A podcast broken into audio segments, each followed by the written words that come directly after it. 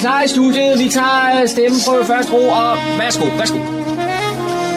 Du lytter til din egen radiomodtager. Fremragende, den er købt. Vi tager den, den her. Okay.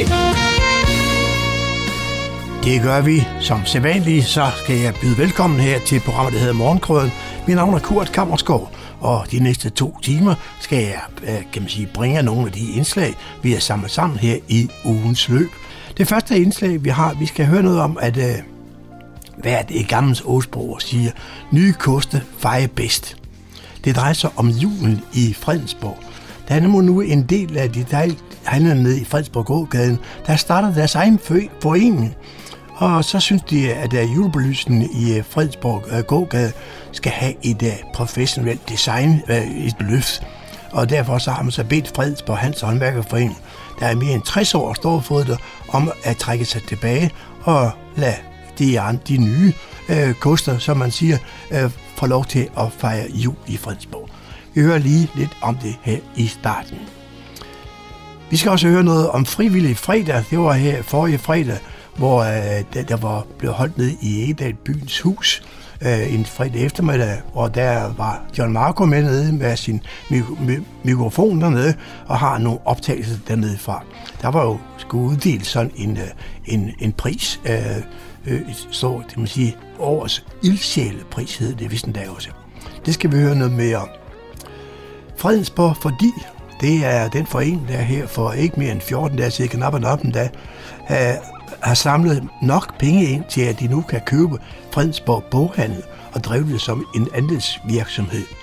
Vi skal tale med næstformanden i dag i foreningen for at høre, hvordan det er gået. Og så skal vi have noget nyt her i, uh, Øh, i Radio Umleborg, eller i programmet Morgenkrøden.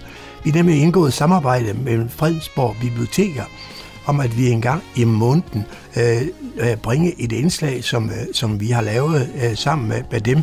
Og det skal den første øh, øh, måned, så første søndag i en ny måned.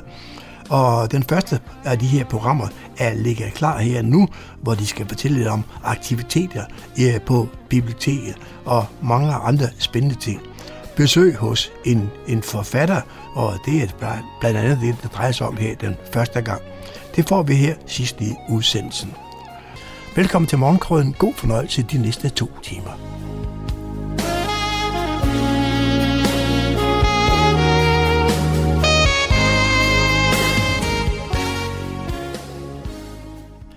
Fredensborg Hans og Håndværkerforening har siden øh, 1888 stået for, øh, kan man sige, øh, juleudsmykning og alt de der med juletræer og ting sager i Fredensborg. Men øh, nu er der kommet nye boller på suppen. Der er nemlig nogen, der mener, at det skal have en opdatering. Og fordi der er en del af det detaljhandel i Jernbanegade i Fredensborg, der starter deres egen forening. Foreningen synes, at julebelysningen samt den øvrige julearrangement skal have en mere professionel design. Det vil, der vil passe bedre til Fredensborg by, end den, som Fredensborg Hans Håndværkerforening i mere end 60 år har stået for. Hans Håndværkerforening er derfor blevet bedt om at trække sig fra arrangementet til jul i Fredensborg. Fredensborg Hans Håndværkerforening fortæller også i en pressemeddelelse, at de gerne vil benytte lejligheden til at sige stor tak til foreninger, erhvervsdrivende, brandvæsenet, spejde, kommune og mange borgere, der frivilligt har stillet op og givet deres bidrag som sponsor eller en klog og hjælpende hånd til, når julen i Fredensborg har været gen, genkendelig og hyggelig, men også de mange andre aktiviteter, der har været øh, med til at gøre, synliggøre vores by Fredensborg. Vi vil altid støtte op om de medlemmer i Jernbanegade, som øh, stadig ønsker at være medlemmer af Fredensborg Handel og Håndværkerforeningen, og det vil man fortsat gøre. Så øh, en ny øh, kan man sige, jul i Fredensborg by ser ud til, at man kan opleves nu her i 2019. Om lidt skal vi høre et indslag, som John Marco har lavet. Han har nemlig været nede i øh, byens hus nede i Egedal. Øh, det var han nede for i fredag, i forbindelse med uddelelse af årets ildsjælpris. Den sidste fredag i september måned kaldes frivillig fredag, og den markeres landet over, også i år. Her i Fredensborg Kommune blev den markeret på Egedal, byens hus. Vi giver først ordet til Ruth Silvik Andersen, der er formand for Frivillige Centeret.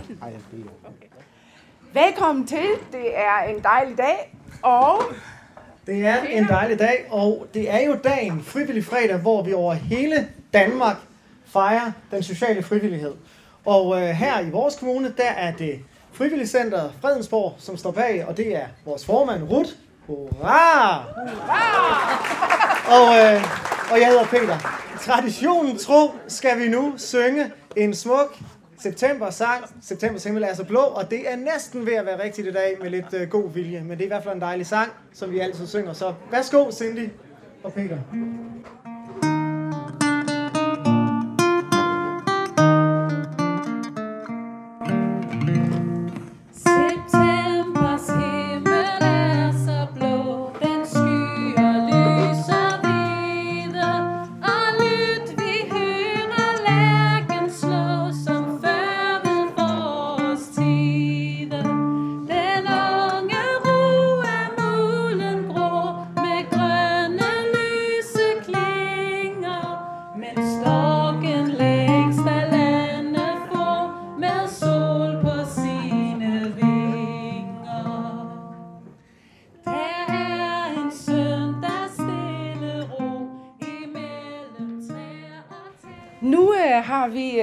Stor glæde for at øh, lytte til vores borgmester Thomas. Han øh, har virkelig forstået frivillighedens ånd. For to år siden, eller tre år siden, der fik han det på hjertet at lave en frivillig dag om foråret. Og øh, det synes vi jo, det var ved, at- der tog vi hatten af, fordi der tænkte vi, wow, vi har virkelig en borgmester, der øh, prøver at fagne eller løfte eller give en skulderklop til det, der sker i kommunen. Først vil jeg sige uh, tak for invitationen, og jeg er jo som sædvanligt glad for at være her i dag. Uh, I Fredensborg Kommune har vi jo i mange år gjort noget ved frivilligheden, og nu begynder mange andre kommuner også at kigge på, hvad vi gør her i Fredensborg Kommune. Og der må man jo sige, at os, der er samlet her i dag, og også mange andre frivillige, som ikke er her i dag, men som er i kommunen, de gør jo rent faktisk noget ved det. Det er ikke bare snak, man gør nogle konkrete ting. Og det vil jeg jo godt igen i år på byrådets vegne sige stor tak for alle jer, der i det daglige gør en indsats for frivilligheden. Skal vi ikke lige give hinanden en hånd? Det synes jeg.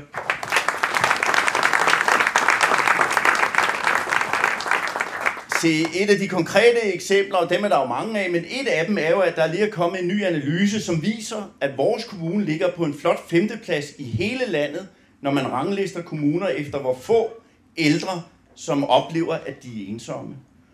Og jeg tror, at vi har så få ensomme her i kommunen, fordi vi har så mange foreninger og frivillige, som gør en stor indsats. Dag efter dag, år efter år. Og det virker.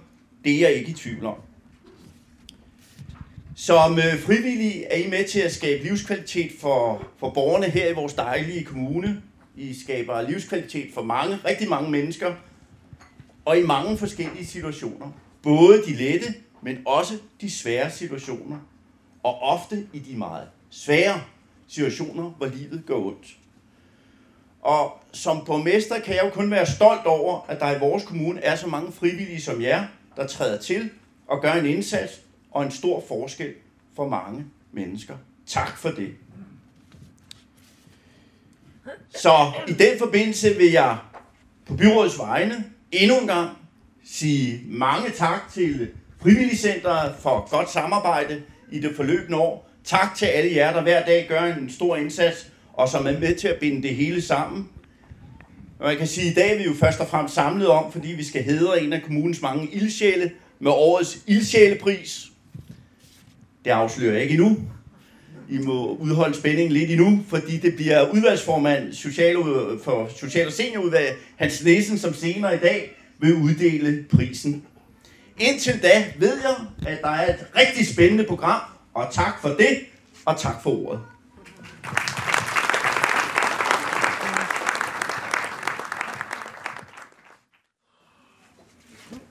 Inden vi når frem til dagens højdepunkt, nemlig kåringen af vinderen af årets ildsjælpris, giver vi ordet til Claus Wiener, der er gospelinstruktør. Ja, øh, nu har vi tænkt os at gøre noget rigtig sjovt med jer. Altså, I er nødt til at være med lidt. Vi har nemlig involveret en øh, instruktør kalder man det nok til en helt speciel genre. Og øh, det er Klaas Vaner, der står her, og jeg vil bede ham om at komme frem og tage over. Fordi jeg vil ikke lige afsløre, hvad der sker, men jeg kan kun sige, at Klaes er en af de virkelig dynamiske, øh, udadvendte øh, instruktører, der får folk nemlig op at stå. Klaes, det er simpelthen kanon, du kunne komme i dag og øh, tage over og få os sikkert nok op af stolen, hvis det er muligt i al den her øh, fuldpakkede sal. Værsgo.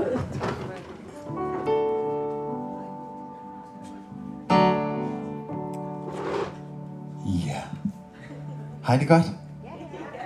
Hej det rigtig godt? Nu får I det endnu bedre. Vi skal nemlig synge noget musik, som øh, virkelig kan få sammenholdet øh, op at stå og øh, få løftet åndens stemningen i lokalet her. Så øh, nu vil jeg simpelthen øh, lade min professionelle gospelinstruktør evner de øh, udgivet over jer og sammen med jer. Har I lyst til at synge lidt med?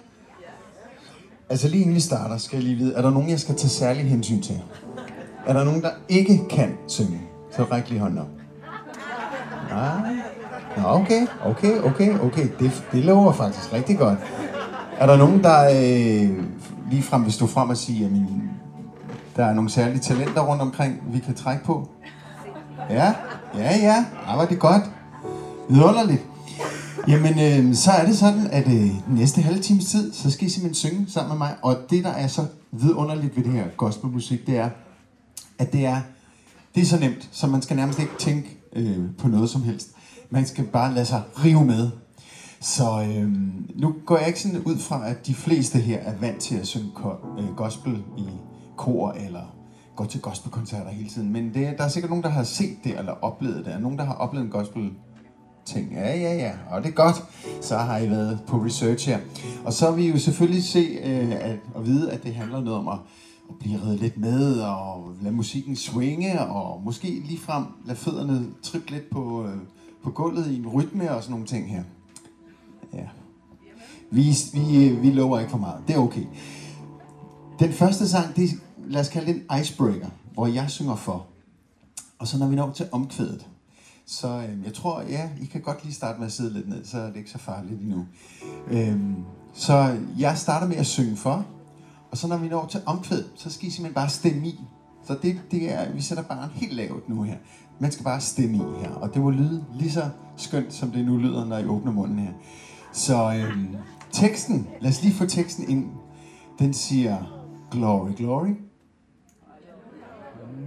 Mm, halleluja, nogen der siger allerede. det er godt. Vi prøver lige igen. Prøv lige at sige, glory, glory. Halleluja. Ja, og jeg ved ikke, hvis I nogensinde har prøvet at skille lidt ud, så øh, tager man sådan nogle gode vejrtrækninger.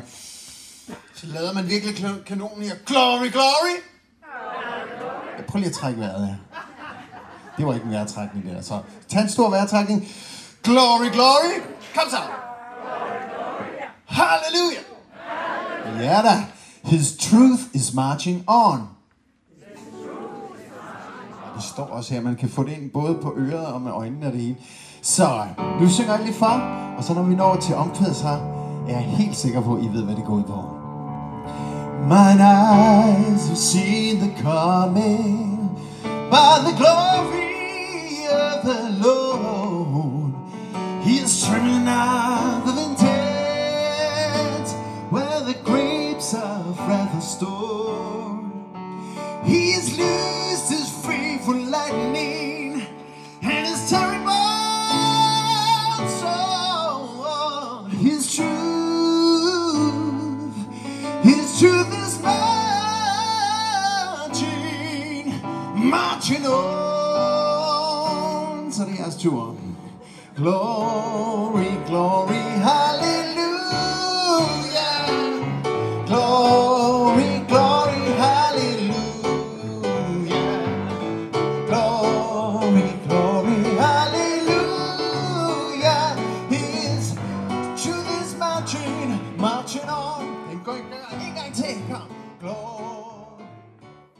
Efter en god halv times tid med instruktion af Claus Wener, har man fundet nogle solister, og de går nu på scenen for at afslutte seancen med gospel. En, to, tre, og when the saints Oh, happy day.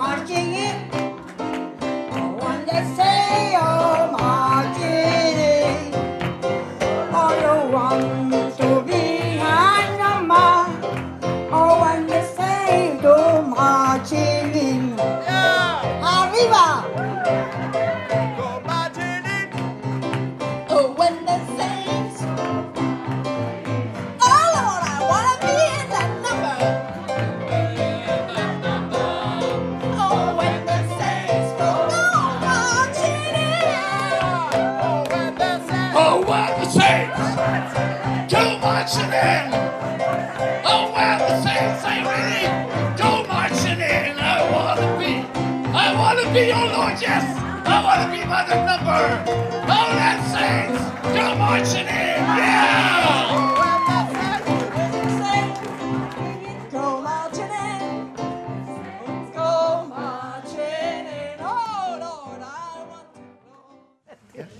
Så er vi ved at være nået frem til det tidspunkt, hvor formand for Social- og Ældreudvalget, Hans Nissen, vil fortælle, hvem der er blevet årets ildsjæl.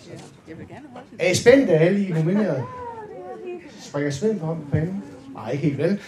Nu er vi vist øh, kommet til det, der hedder dagens klimaks. Øh, og jeg skal nok lade være med at trække pigen i det uendelige. Øh, det er I vel enige i, ikke? Men øh, inden jeg siger navnet, så vil jeg gerne understrege, at alle I frivillige og alle de nominerede fortjener rigtig stor ros og rigtig stor hæder for det arbejde, I gør i hverdagen. Men det er desværre sådan, at der kun er én vinder af årets Ildsjælspris 2019. Og det er...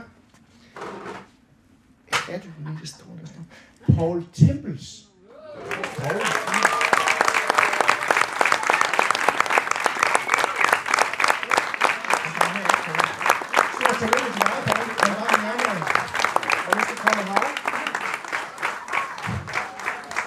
Så kan, så kan jeg jo fortælle, at øh, Frivilligcenters bestyrelse har i tildeling af prisen til, til dig, Borgel, lagt meget stor vægt på de meget store tidsmæssige forpligtelser, som du har påtaget dig i en lang årrække som frivillig. Du har også vist et utroligt stort medborgersind og ikke mindst næstekærligt engagement, som jo har betydet en afgørende forskel for rigtig mange borgere. Bestyrelsen ser i dig, Poul, en ægte ildsjæl, der engagerer sig med liv og sjæl i hele verden. Hjertelig tillykke til dig, Paul. Tak skal du have. Og, og ikke nok med tillykke, der er også lige en lille pris her. Værsgo, den er til dig. Wow. Nå, oh, oh, oh, nå, nå, ja, okay. Ja, det var, ja. Oh, det var større, ja.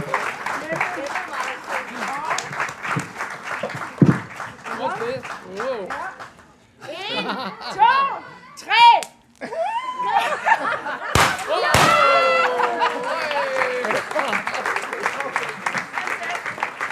Ja, det kræver lidt øvelse, det her. Tak. Får jeg lov lige at sige noget? Ja, prøv at gøre det. Ja, det må jeg godt.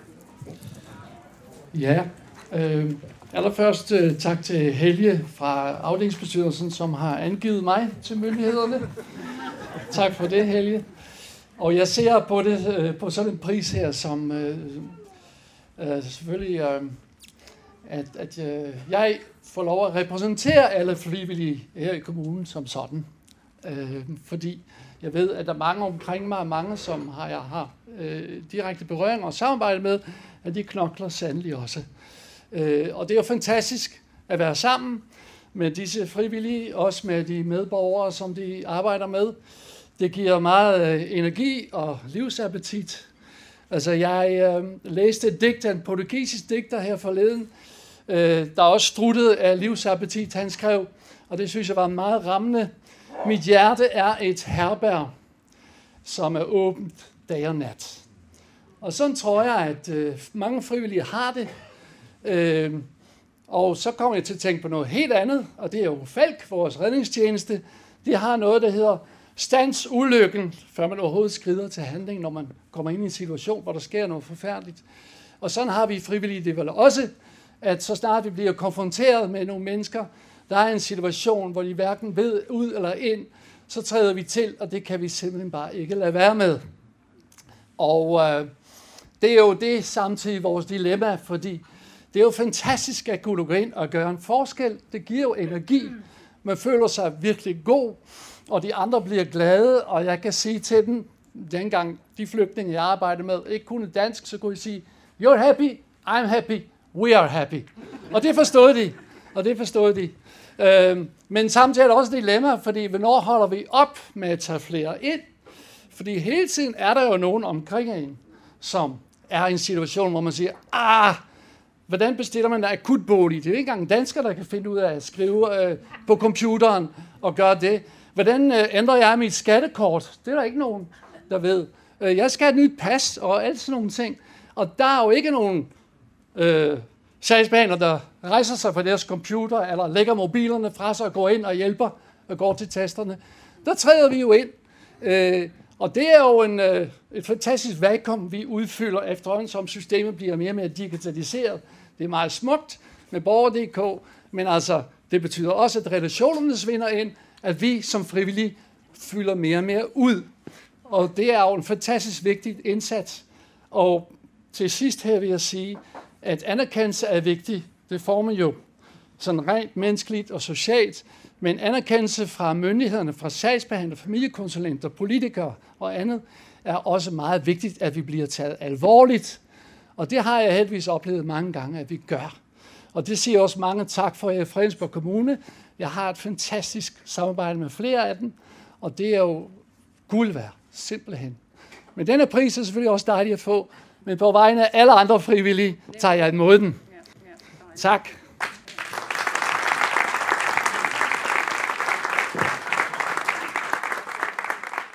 Så står jeg sammen med vinderen af årets øh, ildsjælpris her i Fredensborg Kommune, nemlig Paul Tempels. Og Paul, det var da noget af en overraskelse. Ja, det var det jo bestemt. Øh, fordi øh, jeg, jeg kender mange andre frivillige, som der også blev sagt i salen, der, der har knoklet eller knokler stadigvæk. Ikke? Så det, ja, jeg har jo ikke regnet mig for at være den, der sådan ligefrem skulle rende med prisen.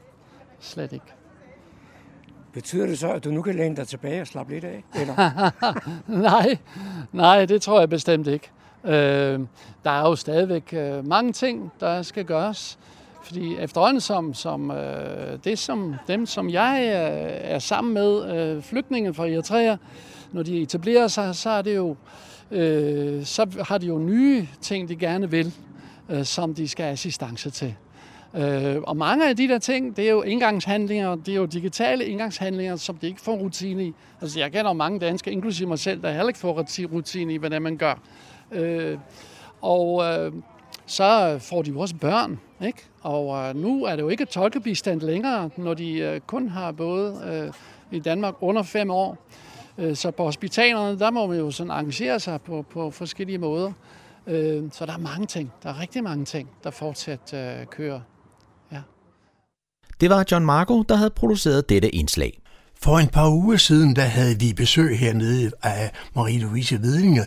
Hun i forbindelse med, at hun sammen med en håndfuld andre havde stiftet en andel, andelsselskab, der hed Fredensborg Fordi.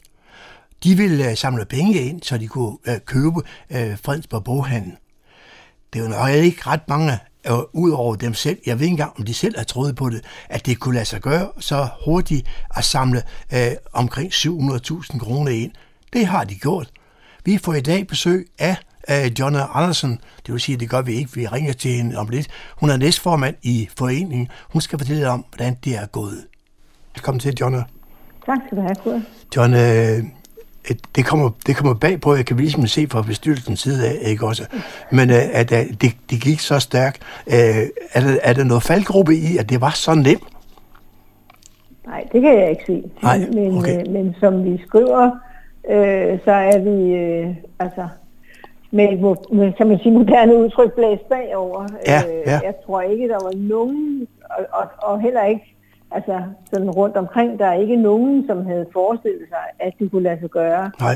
at samle en øh, by øh, og, og øh, altså på, på 12 dage Ja. øh, kunne vi samle det, der skulle til, for at vi kan gå i gang Ja. med købeboghandlen. Ja, Og, og det er jo fortsat, og, og det fortsætter vi. Øh, vi sælger jo i den grad andelsbeviser stadigvæk. stadigvæk. er-? Ja, okay. Ja, jeg, altså, jeg har stået sammen med Andrea, som også er bestyrelsesmedlem i dag ude i Bosen i halvanden time. Ja, okay. Og, øh, og vi fik solgt 6-7 øh, beviser Okay, øh, ja. på den tid, plus nogle rigtig gode snakke med folk, som Ja. ville gå hjem og snakke med ægtefælden og, øh, og tegne et, øh, et bevis. Ja. Øh, så, så, så vi er øh, vi er så taknemmelige, og øh, ja, og, og der er ikke nogen, altså vi har ikke mødt nogen som helst, som sagde, jamen selvfølgelig ville jeg have løftet i den opgave på, på under 14 dage. Ja, okay. Det, det, øh, det, det er, jeg tror, det er fuldstændig unikt, at, at det kunne lade sig gøre på Det, så, så, kort så, tid. Ikke? så hurtigt ikke også sige. Ja. Og, men det, det gør så også, at I meget hurtigt nu skal i gang med, med det næste. Og det er jo, kan man sige, at føre det ud i livet, det som I har, I har talt om, ikke også? Hvordan det er går det med præcis det, det handler om, og, ja. og, og, og netop få sat det i scene, sådan, så vi kan få købt. Ja. Og der har vi sat øh, 1. januar. Ja. Okay. Fordi der Nå. er jo altså, der er jo, altså vi har, vi har dato på og arbejder hen imod det. Ja. Øh, det er, øh, altså, og så kan man sige, øh, skal der gå så lang tid, eller øh, kunne man ikke gøre det hurtigere? Ja. At Vi vil hellere være sikre på, at vi, øh, vi ligesom får tingene fuldstændig på plads. Ja. Øh, altså, der er medarbejdere, der skal tages hensyn til, der er øh, lejeaftaler, der skal, skal skrives og godkendes, og Ja. der er banken, der skal tales med, og øh, der er alle leverandørerne, alle øh, de leverandører, øh, som, som, øh, som serverer til boghandlen, Ja. skal vi jo forhandle med, om de fortsat vil forhandle, Okay, eller ja. vil, vil handle med os, hedder det. Ja, okay. Der er, der er PostNord, som, øh, som øh, vi kan forstå på, på et af øh, bestyrelsesmedlemmerne, øh, Søren Viberg fra Hillerød, som jo er, er kendt med, med det at drive en butik, ikke? Ja. og også Paul øh, Blæsbjerg derop øh, omkring posten og, og, og hele den verden. Det er jo ikke, altså det ligger jo ikke sådan lige for, for Nej, os. nej. Øh, så, så, så der, er, der er rigtig mange ting, som vi skal have fuldstændig på plads, og en masse aftaler, der skal være på plads. Ja. Øh, og derfor vil vi hellere sige, at vi gør det 1. januar 2000. Ja, okay, for ellers kan man sige, altså hvis det, var, hvis det gik så stærkt, som det andet gjort, så ville det måske være rart at komme i gang nu for at få julehandlen med. Det kan man sagtens sige, og det ja. kan vi godt forstå. Men, men øh, vi har altså holdt et, øh, et ret langt og, og meget grundigt bestyrelsesmøde, hvis man kan sige det om et Ja, møde. ja. Men, men øh, hvor vi netop, øh, og hvor, hvor Søren Viberg øh, var med og gjorde os opmærksom på, på alle de der aftaler, Ja, som der skal være- i stand. ja. Og det er jo en, den verden, den, den skal vi jo lige have lov til at lære at kende også. Altså nu var det jo ikke sådan, at Paul han flyttede fra byen, bare fordi at, Nej, nej, nej. i år, så, så der, der, der vil sikkert også blive sådan, at der, at der er noget, kan man sige, hvis der kunne være nogle, nogle fælder, man skal passe på, for, for de rigtige aftaler med, med, med leverandørerne. Hvad, hvad sker der nu så, udover det, kan man sige, ja, I går i gang med at, og skal lave de der aftaler, ikke også? Så kører det hele vel bare stille og roligt. Vil vi kunne se noget, noget forandring på det den dag øh, ved 1. januar, eller hvad, hvilken dag det nu er, 1. januar, vi kommer derop, ikke også? Vil vi kunne se nogle ting, I gør anderledes? Øh, ikke sådan lige umiddelbart, men vi har i hvert fald en aftale. Altså, øh, det er 14 dage siden, vi gik i gang, Kurt. Ja. øh, og første milepæl er hjemme. Første milepæl er, øh, er hjemme, og det var, at de 650.000. Nu er vi oppe på, øh, på øh, 775, Ja. øh, 780, tror jeg nærmere. Okay. Øh, og folk bliver ved med at købe andelsbeviser, ja. og det er vi så taknemmelige for. Ja. Øhm, og så er det jo, altså er det malerspandene, der står på gulvet 1. januar, eller er, Ja. det, øh, er det det nye kasseapparat, som nok Ja. er øh, det vigtigste? Er det, øh, altså, øh, det, ved, det ved vi simpelthen ikke endnu. Nej, hvordan men, det men vi har en aftale om, at vi øh, vil prøve at være øh, en af gangen eller et par stykker af gangen i boghandlen frem til så, så meget som muligt for netop at lære. Og læ- lære, hvad det hele går ud øh, på. Ja, Ja, ja altså, øh, så, så vi ligesom sådan får ånden ind under, så vi kan, ja. ind under huden hedder det, så, så vi kan, øhm, ja, så vi kan, kan, kan se, hvad er det, vi skal ja tage, tage fat i, kan man tage sige. fat i, ikke? Ja. Men I har, vel også, I har jo en, kan man sige, en god øh, hjælp for at gå ud fra Jeanette og Heidi, de, er- som, som er de to, der ligesom er, er deroppe i Uh, dag, ja. ikke også? De, er, de har ligesom lovet måske at, at hjælpe jer i gang, ikke også? Ja, ja, ja, men de skal jo fortsætte for pokker. Ja. Altså, det er jo, de er jo ryggraden, og, øh, og, og det er jo deres, altså, det er jo, det er jo deres, det er et kæmpe klap på skulderen til de to piger, Ja. og til Paul, at den boghandel, de har kørt, At, det, Øh. det, ja, at der er sådan en opbakning, altså, at, kan man sige. At, at det er opbakningen. Ja. Altså, det, jo- det er jo... Øh, altså, et af de spørgsmål, vi fik øh, en af dagene, vi har stået, det var jo, følger Jeanette og Heidi med som Ja, okay, ja. og, og så griner de, men, men øh, altså, hvis ikke de fortsætter, så, øh, Ja. så siger folk jo, at så er der jo ingen boghandel. Altså. Nej. Så, så det er bestemt dem, der skal drive den, og, og det er jo ikke bestyrelsesarbejde at Nej. stå i butikken som sådan, men, men det kan da godt være, at vi kommer til at stå deroppe som øh, nybegynder i starten, for Ja, ja, ja. ja. lige at, at hjælpe det hele i gang. Ikke? Ja, jamen der skal jo altid bruges nogen til at, kan man sige, bære tingene op fra kælderne, eller pakke Ja, ind og sådan nogle ting. Altså, vi kan da Ja. gøre mange ting, hvor Ja. vi ikke gør skade i forhold til at sælge. ikke? Altså, og der er da også noget praktisk med at pakke bøger ud og Ja. sætte dem på plads, og Ja. hvad med alt det pap, der de bliver leveret i, det skal Ja. køres væk. Og, Så der, der Altså, er en, ja. Så ja, der, ja, så, så, øh, så der vil der være brug for os. Altså, det, Ja. det tror jeg da bestemt ja. på. Altså. Nu, øh, nu sagde du selv, at jeg vil sige, I, I kommer langt over det, som, som var ligesom øh, øh, grænsen for, hvornår I kunne øh, I, I, I turde slå til, ikke også? Så Ja. jamen, øh, har, I- har I så allerede begyndt at tænke på, er der andre butikker der i Fredensborg bymidter, der Nej, trænger nej, til at løfte det lille løft? Ja. Nej, nej, nej. De andre butikker går rigtig godt. Okay. Øh, Ja. altså, så, nej, nu er det boghandel. Det er boghandel, det, det handler om i første omgang. Ja, og så og på, på, sigt, så må vi jo så se, hvad det udvikler sig til. Hvad, Ja. ja. hvad andelsselskabet kaster sig ud i, ikke? Øh, altså, øh, men, det, men det vil tiden jo vise. Altså, det, det kan vi jo ikke sige noget om nu. nej, hvordan det hvorledes det kommer Det kan til vi ikke. Men, men det er jo det, der er formålet i hvert fald. Fredensborg, fordi det er jo fordi boghandlen skal overleve, Ja. og så er det jo fordi byen skal leve. Ja. Øh, Det, er- nu er det jo ikke bare Fredensborg, kan man sige, hvor, hvor tingene de er, er gået lidt i stå, eller gået lidt tilbage, for det, det er jo Mm. generelt, kan man sige, over hele landet, ikke også? Men altså, I, I gør så noget i hvert fald, for at det ikke skal, kan man sige, smuldre mellem fingrene på jer. Det håber de, I får det det til at synes jeg, vi gør. Altså, Ja. jeg, så, øh, ja. ja.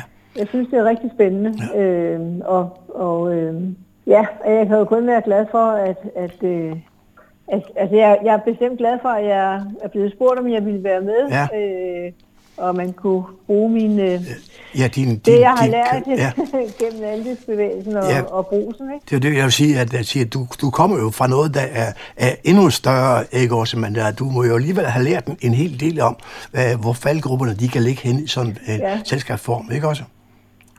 Jo, det, men, det mener jeg. Ja, Altså, det mener jeg. Ja. Og derfor så vil der Øh. også blive brug for dig i, i fremtiden. John Andersen, du skal tak for den her lille øh, kan man sige, opdatering på, hvordan det ser ud, og så kan vi jo sige, at man stadigvæk kan gå ind og Uh, købe man nogle... kan endelig stadigvæk. Det gør man på, øh, på hjemmesiden, der hedder fredensborgfordi.dk. Der kan man gå ind, og det er så uendelig nemt, for det, det er en meget flot hjemmeside, I har. Det er uendelig Ja, ja, nemt at bare at lige gå ind og, og, og købe noget. Ja, og købe noget, Ja. og også se, hvordan det går, og Ja. også øh, spørgsmål, altså spørgsmål og svar bliver hele tiden, øh, Ja. siden bliver hele tiden opdateret med det. Ja. Når vi får, øh, så er de simpelthen så dygtige, de unge Ja. ja. mennesker, til Ja. at, at få det på hjemmesiden. Ja. Det er flot. Det er, det er ud over mine evner, men, Ja. ja. men øh, så er det jo så godt, at vi er en bestyrelse med hver vores kompetencer. Ja, det er helt sikkert, ja. John, du skal have mange tak for den her information, og så held og lykke i fremtiden med jeres Tak nye du have. projekt. Tak skal du have. Hej, hej. Hej. Du lytter fortsat til programmet, der hedder Morgenkrøden. Om lidt skal vi have lokale nyheder, som Damien han har produceret. Der er lidt af hvert. Så er det igen gået hen og blevet tid til lokale nyheder og kulturinformationer, hentet fra humleborg.dk, oplæst og redigeret af Denkel Jørgensen. Kender du en person, forening, organisation eller privat virksomhed i Fredensborg Kommune, som du mener bør komme i betragtning til handicapprisen, så vil Fredensborg Kommune gerne vide det inden torsdag den 24. oktober kl. 12. Kommunens handicappris bliver nemlig uddelt for 10. gang.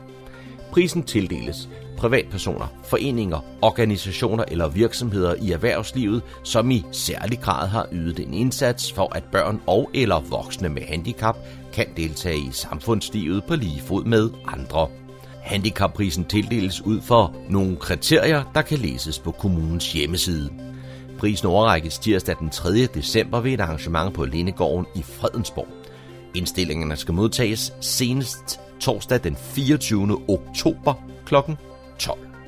Lørdag den 19. og søndag den 20. oktober, begge dage kl. 15, præsenterer Niveau Teater intet mindre end en verdenspremiere. Preben Kåses folkekomedie Marta i et gæstespil fra Frederiksberg Teater. For første gang nogensinde bliver den legendariske danske sømandsfilm til en teaterforestilling. Frederiksberg Teater har fået spillerettighederne til den klassiske folkekomedie af Lisbeth Dahl, der har manuskriptrettighederne efter Preben Kås. Teateret har fået lov til at omdanne filmen til et teaterstykke, hvor de er tro mod filmen og de mange kendte replikker. Martha og hendes besætning nyder drivlivet i Middelhavet, sol og varme, hygge og dejlig mad er vigtigt for arbejdet. Pipen får dog en anden lyd, da den strenge skibsredder selv skal med på søen. Det bliver sjovt, hyggeligt og meget maritimt. Genoplev den skønne folkekomedie, eller se den for første gang i godt selskab. Og forestillingen vises som sagt på Niveau Teater. Det er lørdag den 19. og søndag den 20. oktober. Niveau Teater holder til i Kalvehaven 6 i Niveau. Den 12. oktober kan børn fra 10 til 14 år deltage i en hyggelig læsecamp på Niveau Bibliotek. Efteråret er over os, men det betyder ikke, at det er slut med at campere. I hvert fald ikke på Niveau Bibliotek og Medborgercenter, hvor børn i alderen 10-14 år netop den 12. oktober fra kl. 14 til 19 kan slå lejr indenfor på biblioteket og fordybe sig i bøger. En læsecamp, der starter med, at børnebibliotekaren præsenterer en masse gode bøger som inspiration, og herefter går jagten ind mellem bibliotekets reoler efter lige præcis den bog, man har lyst til at læse. Hvorefter man slår sig ned i et hyggehjørne i de næste mange timer og hengiver sig til læsningen. Undervejs i læsekampen vil der blive serveret snacks og drikkevarer, men efter flere timers læsning har hjernen brug for noget rigtig energi, og derefter vil der hen mod slutningen af arrangementet blive serveret aftensmad. Det koster ikke noget at deltage i arrangementet, men biblioteket beder om, at man tilmelder sig på forhånd. Gå ind på fredensborgbibliotekerne.dk og læs mere. Det var, hvad vi havde fundet frem af nyheder og kulturinformationer for denne gang, oplæst og redigeret af Daniel Jørgensen og hentet fra humleborg.dk. Du lytter til morgenkrydderen.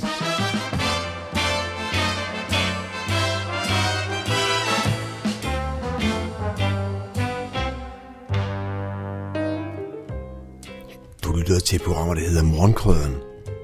En hver lighed med nogen anden eksisterende radioprogram må siges at være ren helt.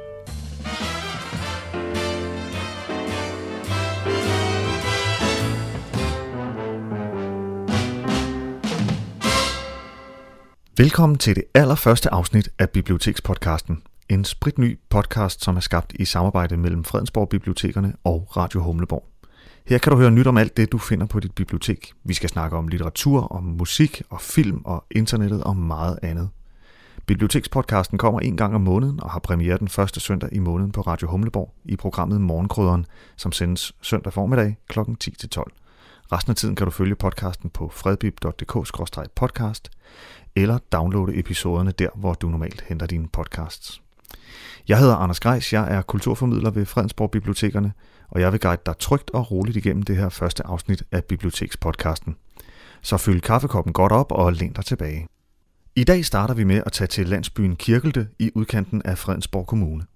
Herude midt imellem Allerød og Fredensborg by, mellem skovene og markerne, bor forfatteren Dy Plambæk, der i foråret 2019 udgav sin femte roman til min søster.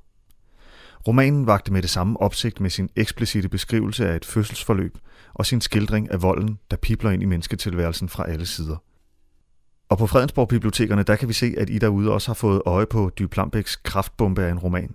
Til min søster, den bliver i hvert fald lånt ud flittigt, og der er faktisk kø til den lige nu. Men vi har heldigvis mange eksemplarer, så man behøver ikke at vente så længe, hvis man vil have fingre i 2019's voldsomste og mest slagkraftige roman. Vi møder Dy Plambæk en helt almindelig formiddag i hendes hus i Kirkelte til en snak om hendes roman, hendes forfatterskab, og så fortæller hun, hvilke bøger du bør læse lige nu.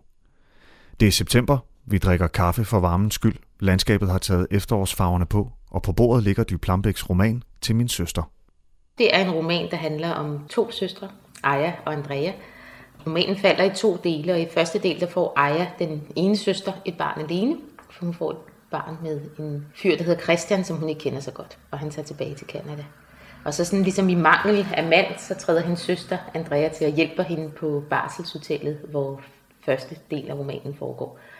Og så i romanens anden del, der er der gået to år, og det lille barn, som Ejer har født, hedder Nola, er blevet to år, og de kører, altså de to søstre, Aya og Andrea, kører til Sverige, langt op i Sverige, i en skov, der hedder Sunne, hvor Aya, der er historiker, hun skal deltage i et historikermøde, og Andrea er taget med for at passe Nola, men også for at komme væk fra en ekskæreste, hun har haft, som har vist sig at være voldelig. Så de tager ligesom det op med hver deres lidt forliste øh, baggrund, og ser, om de, kan, om de kan skabe noget nyt. Og det, det er jo meget en bog, hvor volden også Ja. fylder rigtig Ja. meget. Hvor, hvorfor kommer den nu i dit forfatterskab? Altså, jeg tror, jeg blev optaget af, af det med vold, øh, fordi jeg, øh, at jeg jo selv fik en datter øh, for øh, fem år siden, er det allerede nu. Og øh, da jeg skulle føde hende, så havde jeg sådan tænkt, at jeg ville få en søn. Øhm, og ikke fordi jeg gerne ville have en søn, jeg havde bare ligesom tænkt, at det ville jeg få. Og så kommer den her bog, der pludselig handler om to søstre, og så meget handler om det her med kvindeliv og kvindekroppen, og, og hvorfor kommer den så nu? Jamen det gør den, fordi øhm, som sagt, at jeg tror, at det, der satte den i gang, var det, at jeg selv blev mor til en datter, og da jeg så ligesom sådan fik barnets køn at vide til sådan en scanning, så troede jeg sådan ikke rigtigt på det. Og så spurgte en sygeplejerske mig om noget, som ramte mig, øh, som var, hvorfor skræmmer det dig, at du skal føde en pige? så tror jeg, at, øh, at der måske alligevel var noget i den måde at være kvinde i verden på, på trods af, at jeg ikke sådan havde været, været optaget af køn før, men som pludselig vagte min interesse, fordi det havde hun ret i. Hvorfor skræmte det mig, at jeg skulle føde en pige? I hvert fald så, så kom jeg til at tænke på de forskellige kvindeliv, som der har været i min familie, men også i min venindekreds, og, og i det hele taget, hvordan det er at være kvinde. Og jeg tror, at det er de færreste, både kvinder, men også mænd, øh, som ligesom går igennem livet uden at møde vold. Altså uden at overvære et slagsmål ude i skolegården, eller på et værtshus, eller øh, selv blive udsat for vold i større eller mindre grad. Så volden, den lever ligesom i både i samfundet, men den lever også i os alle sammen. Og den lever også i de to søstre i bogen. Det er jo ikke kun mændene, der er voldelige i bogen. Det er også søstrene, der har... Øh, Andrea går på jagt og har taget sit jagtgevær med op til Sverige og går rundt ude i skoven og skyder løs. Altså har sådan en øh, udadvendt aggressivitet, ikke? Hvor hendes søster Aya mere har sådan en indadvendt aggressivitet, hvor hun har sådan nogle hævnfantasier. Mm. Hvordan hun ligesom kan gøre det af med Mark, som er hendes søsters ekskæreste der, der har været voldelig og slået søsteren. Det fylder meget, synes jeg, i bogen, det her med at sætte grænser. Ja. Altså, du skal Ja. ikke dutte mig, hændelsen for eksempel, som er Ja. øh, øh, Ejes datter, der siger, Ja. du skal ikke dutte mig til Ja. en, der dutter hende. Er det ligesom også et tema? Ja, og det handler jo faktisk, bogen handler jo om det, altså lige præcis det, du siger med grænserne. Altså, hvornår overskrider vi hinandens grænser? Det gør vi jo næsten på daglig basis nogle gange, ikke? Altså i større eller mindre grad igen. Jeg har også ligesom med romanen forsøgt at undersøge, er det overhovedet muligt at være i en kærlighedsrelation, uden der sker den her grænseoverskridelse. Ikke? Og det er jo sådan en måde at være menneske på, og en del af det at være menneske på, det er også derfor, det er så vigtigt at kunne mærke sine egne grænser. Ikke? Og det er jo det, som børn kan, som jeg synes er så utroligt. Altså det der med, øh, altså at øh, Nola der siger, du skal ikke dutte mig til sådan en fremmed mand. Ikke? Mm. Hvor man selv, altså sådan som voksen, er blevet indkodet sådan nogle sociale koder, så man måske vil blive sådan lidt øh, befippet ved, at det er en fremmed en, og man vil måske heller ikke helt få reageret på det, fordi der er også noget sårbart i det der med sådan ligesom at, at stille sig frem og sætte den grænse. Ikke? Mm. Ja, så det med grænseoverskridelse er sådan en stor tematik i bogen. Mm. Også i den relation, som jo så er den historiske relation. Øh, Ejer er jo, jo øh, historiker og kommer på sporet af en kvinde, der hedder Anna Mikkelsen, øh, som har levet i virkeligheden, og som var den øh, danske forfatter I.P. Jacobsens øh, ungdomskæreste. Øh, de vokser jo op i Tisted sammen i 1860'erne, og fordi tiden er, som den er, så skal han videreuddanne sig, og bliver, altså I.P. Jacobsen skal videreuddanne sig, bliver sendt til København for at gå på studenterkursus. Hun skal være tilbage i Tisted og strikke og brodere, og gå på visiter, ikke? Og, øhm, og de er begge to ekstremt begavede og skriver digte og har ligesom sådan et fællesskab omkring det. Og det er meget tydeligt, at, at den mangel på livsudfoldelse, øh, som hun har, Anna Mikkelsen, får hende ligesom til at gå til grunde. Mm. Øh, og gør hende faktisk sindssyg, og så lever hun på Sankt Hans Hospital i 42 år. Mm. Men, men hun er også ulykkelig forelsket i Ip Jacobsen, og der sker der jo også en, nogle grænseoverskridelser. Ikke? Mm. Og den største grænseoverskridelse, der sker for hende, det er det her med, at han så ligesom føler, at hun tager hendes historie. Altså da han udgiver sin første roman, Fru Marie Gruppe, og da hun så læser den, så bliver hun redselslagen og rasende, fordi hun føler, at fru Marie Gruppe, især som barn, er bygget op omkring hendes barndomshistorie. Og så skriver hun til ham, du har skidt dig af med at skildre mit liv, og nu vil jeg ret fejle. Det er jo også noget, som til min søster handler om. Den handler om det her med retten til at fortælle sin egen historie. Hvem er det, der får lov til at fortælle historierne? Noget af det, jeg synes er, er, meget spændende i, i til min søster, er, altså vi har dels det her med volden, der, der fylder rigtig meget, og, og de her karakterer, der går op imod den på en eller anden Ja. måde. De handler, eller de taler sig ud af det. Øh, så der er ligesom, der, der er volden på den ene side, og så er der vreden, som det er det, Ja. man sætter grænser med. Ja. Og så er der ligesom et tredje ben i det, som er hele fødselshistorien. Ja. Hvor, hvor en formulering i den, der fylder meget, er den her med, at du er nødt til at give slip, Ja. ellers så kan du ikke føde dit barn. Så der er ligesom, det er sådan lidt en, en konflikt, der er spændt ud der på en eller anden måde, imellem nogle rigtigt. forskellige tilgange til tilværelsen. På en eller anden måde får du sådan spændt øh, faldskærmen ud mellem de tre punkter. Ja. Hvordan, hvordan balancerer man det, synes du så?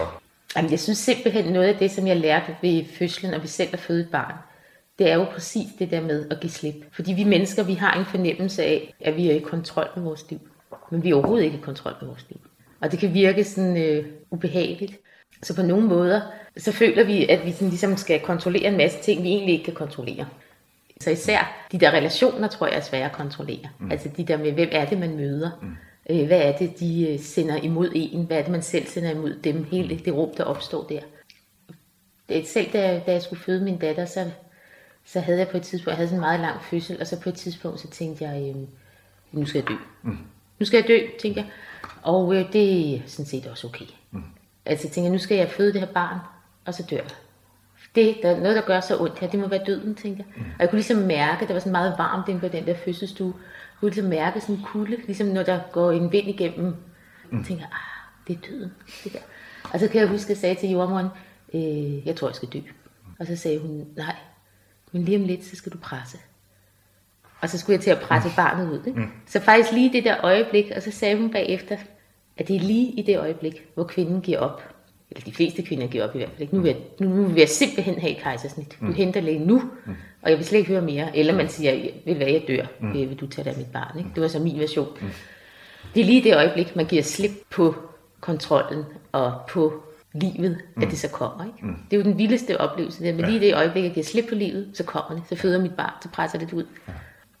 Men jeg synes, det er en meget smuk tanke, det med, når man giver slip på noget, så kommer der noget til en. Det er jo ikke altid det, man gerne vil have, der kommer. Men nogle gange kommer så noget andet. Mm.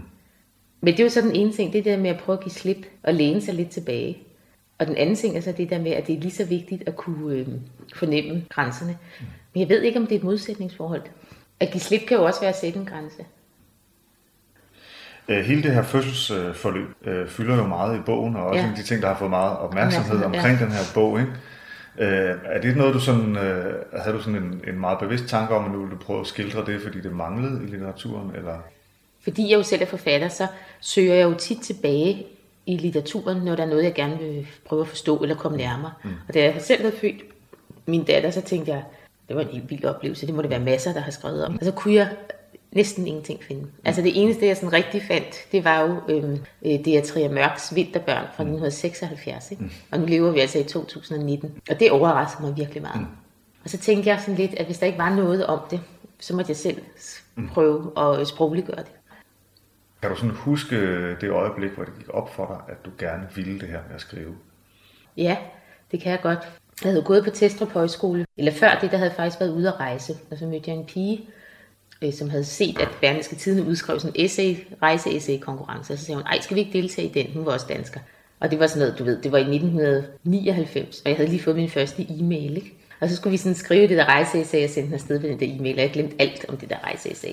Og så lige pludselig, da jeg åbnede den der mailbox igen, meget lang tid efter, så pludselig havde jeg så vundet den der yes, rejse-essay-konkurrence. Og der tror jeg alligevel, jeg tænkte sådan, okay, det var bare dy for Buresø, der pludselig vinder sådan en konkurrence i avisen, ikke? Eller sådan.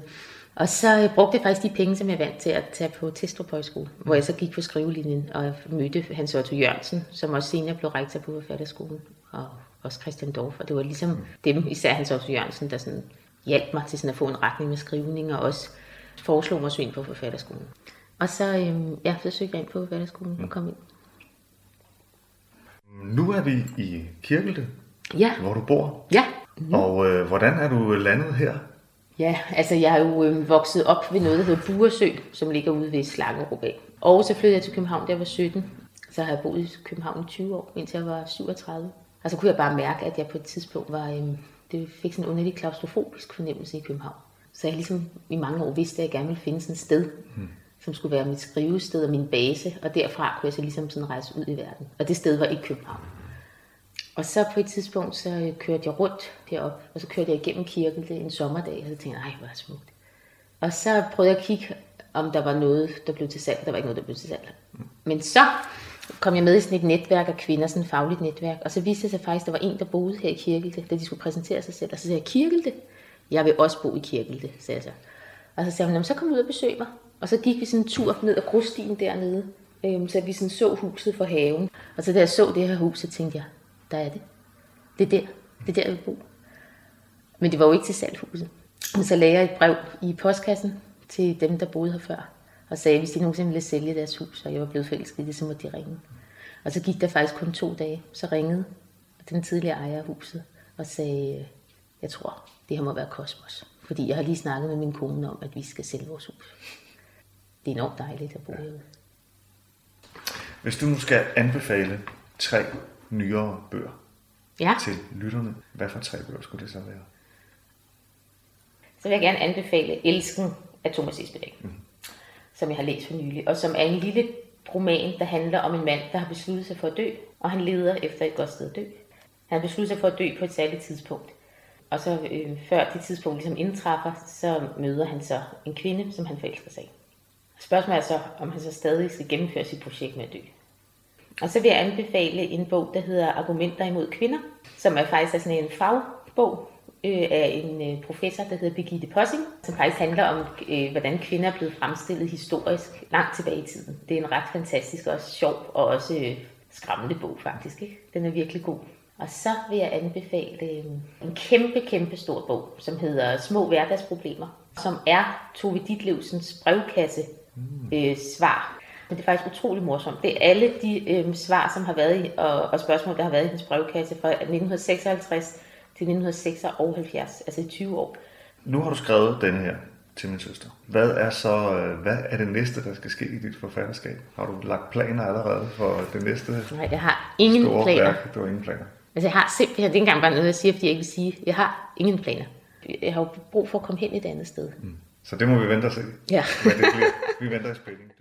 Og mens vi venter på, hvor Dy Plambæks forfatterskab bevæger sig hen næste gang, kan du gå ind på fredensborgbibliotekerne.dk og bestille hendes roman til min søster. Vi garanterer dig en god og skældsættende læseoplevelse, du ikke sådan lige ryster af dig. Du lytter til Bibliotekspodcasten, skabt i samarbejde mellem Radio Humleborg og Fredensborg Bibliotekerne. Bibliotekspodcasten præsenterer fem ting, du ikke vidste, du kan bruge dit bibliotek til. Biblioteket er meget mere end bogreoler og kvalitetslitteratur.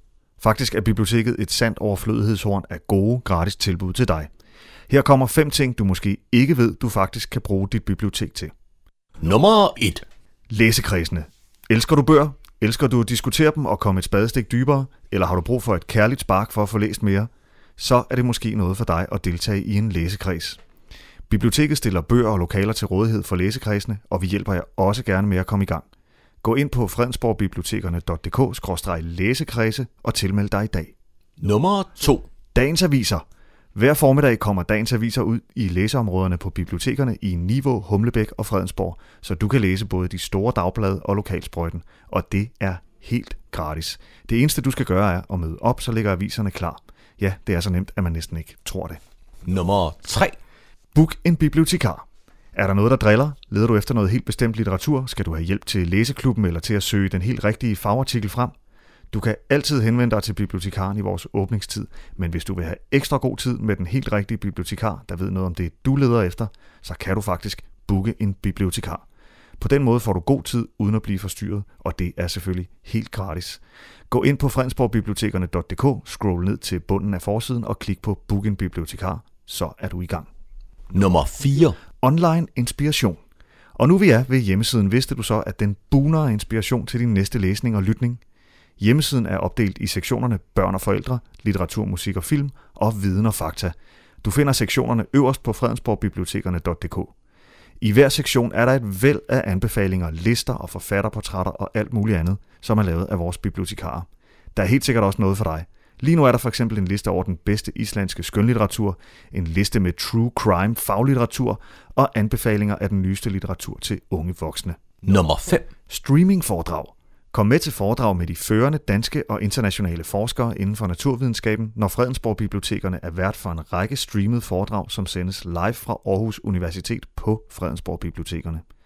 Foredragene vises på stort lærred i biblioteket, og som tilskuer har man blandt andet mulighed for at stille spørgsmål til foredragsholderen og diskutere foredragene med de andre tilhørere. Det er helt gratis, men man skal booke sin egen billet inde på fredensborgbibliotekerne.dk. De fem ting, læsekredsene, dagens aviser, book en bibliotekar, inspiration på hjemmesiden og gratis streamingforedrag, var bare et lille udsnit af de tilbud, du finder på dit bibliotek. Og med det når vi til enden af første afsnit af Bibliotekspodcasten, som er skabt i samarbejde mellem Radio Humleborg og Fredensborg Bibliotekerne. Hvis du har gode idéer, feedback eller andre tanker om podcasten, så skriv til os inde på hjemmesiden på fredbib.dk-podcast. Det er også her, du kan genhøre det her afsnit og alle de kommende afsnit af Bibliotekspodcasten. Du kan også downloade podcasten der, hvor du normalt henter dine podcasts. Mit navn er Anders Grejs, jeg er kulturformidler ved Fredensborg Bibliotekerne. Tak fordi du lyttede med. Det her er Fredensborg Lokalradio, Radio Humleborg på FM 104,3 MHz. Klik også ind på vores hjemmeside, www.humleborg.dk og følg med i, hvad der sker lokalt i Fredensborg og omegn.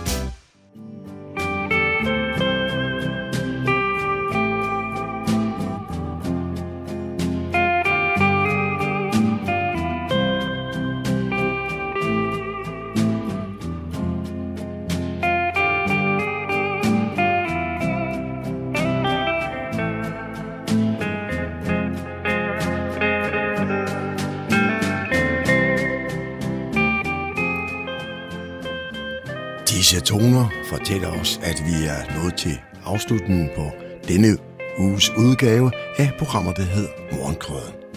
Her fra redaktionen, som består af undertegnet, jeg hedder Kurt Kammersgaard. Ja, der siger jeg tak for nu, og på genhør en anden god gang.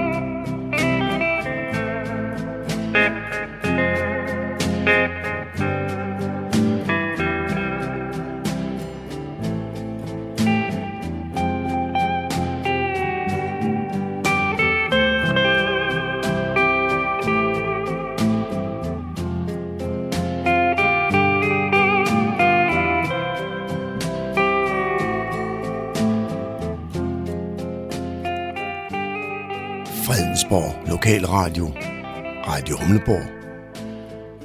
Nordsjællands mest voksne lokalradio.